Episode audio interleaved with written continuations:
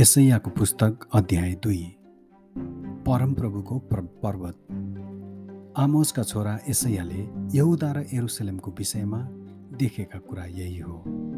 पछिल्ला दिनमा परमप्रभुको मन्दिर बसालिएको पर्वत सबै पर्वतहरूभन्दा मुख्य रूपमा स्थापना हुनेछ। डाँडाहरूभन्दा माथि त्यो उच्च उठाइनेछ र सबै जातिहरू त्यही ओहिरेर आउनेछन्।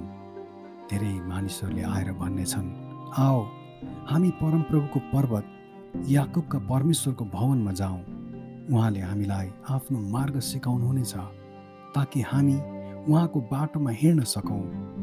व्यवस्था सियोनबाट र परमप्रभुको वचन एरुसलेमबाट निस्कनेछ।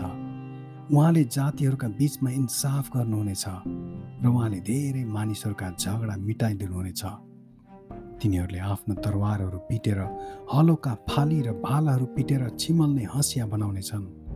जाति जातिहरूले एकअर्काको विरुद्धमा तरवार चलाउने छैनन् न त तिनीहरूले लडाइँ गर्न तालिम लिनेछन्।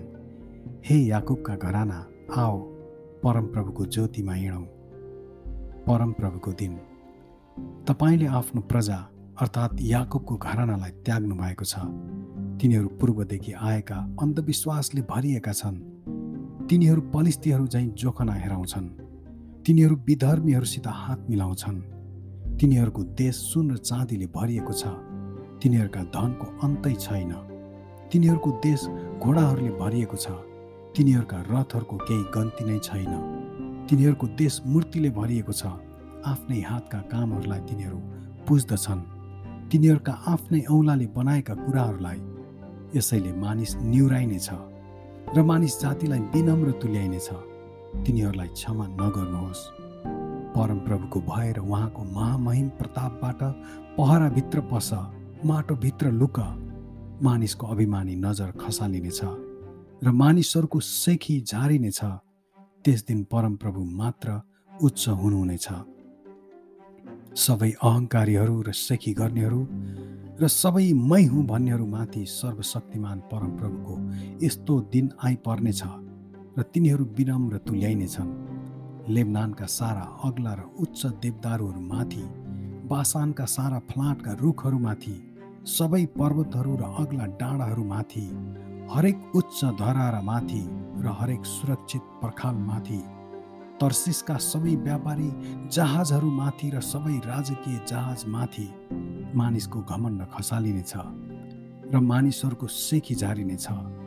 त्यस दिन परमप्रभु मात्र उच्च हुनुहुनेछ र मूर्तिहरू बिल्कुलै लोप हुनेछन्। जब पृथ्वीलाई थर्कमान तुल्याउन परमप्रभु उठ्नुहुन्छ तब परमप्रभुको भएर उहाँको महामहिम प्रतापबाट मानिसहरू चट्टानका गुफा र पृथ्वीका पालहरूभित्र पस्नेछन्। त्यस दिन मानिसहरूले आफ्ना निम्ति पुज्नलाई बनाएका सुन र चाँदीका मूर्तिहरू छुचुन्द्रा र चमेराका अघि फालिदिनेछन्।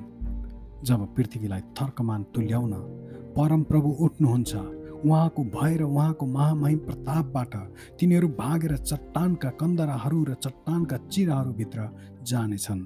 नाकका पालमा सास हुने मानिसहरूमा तिमीहरू भरोसा नराख किनकि त्यसको मोल नै के छ र? आमेन।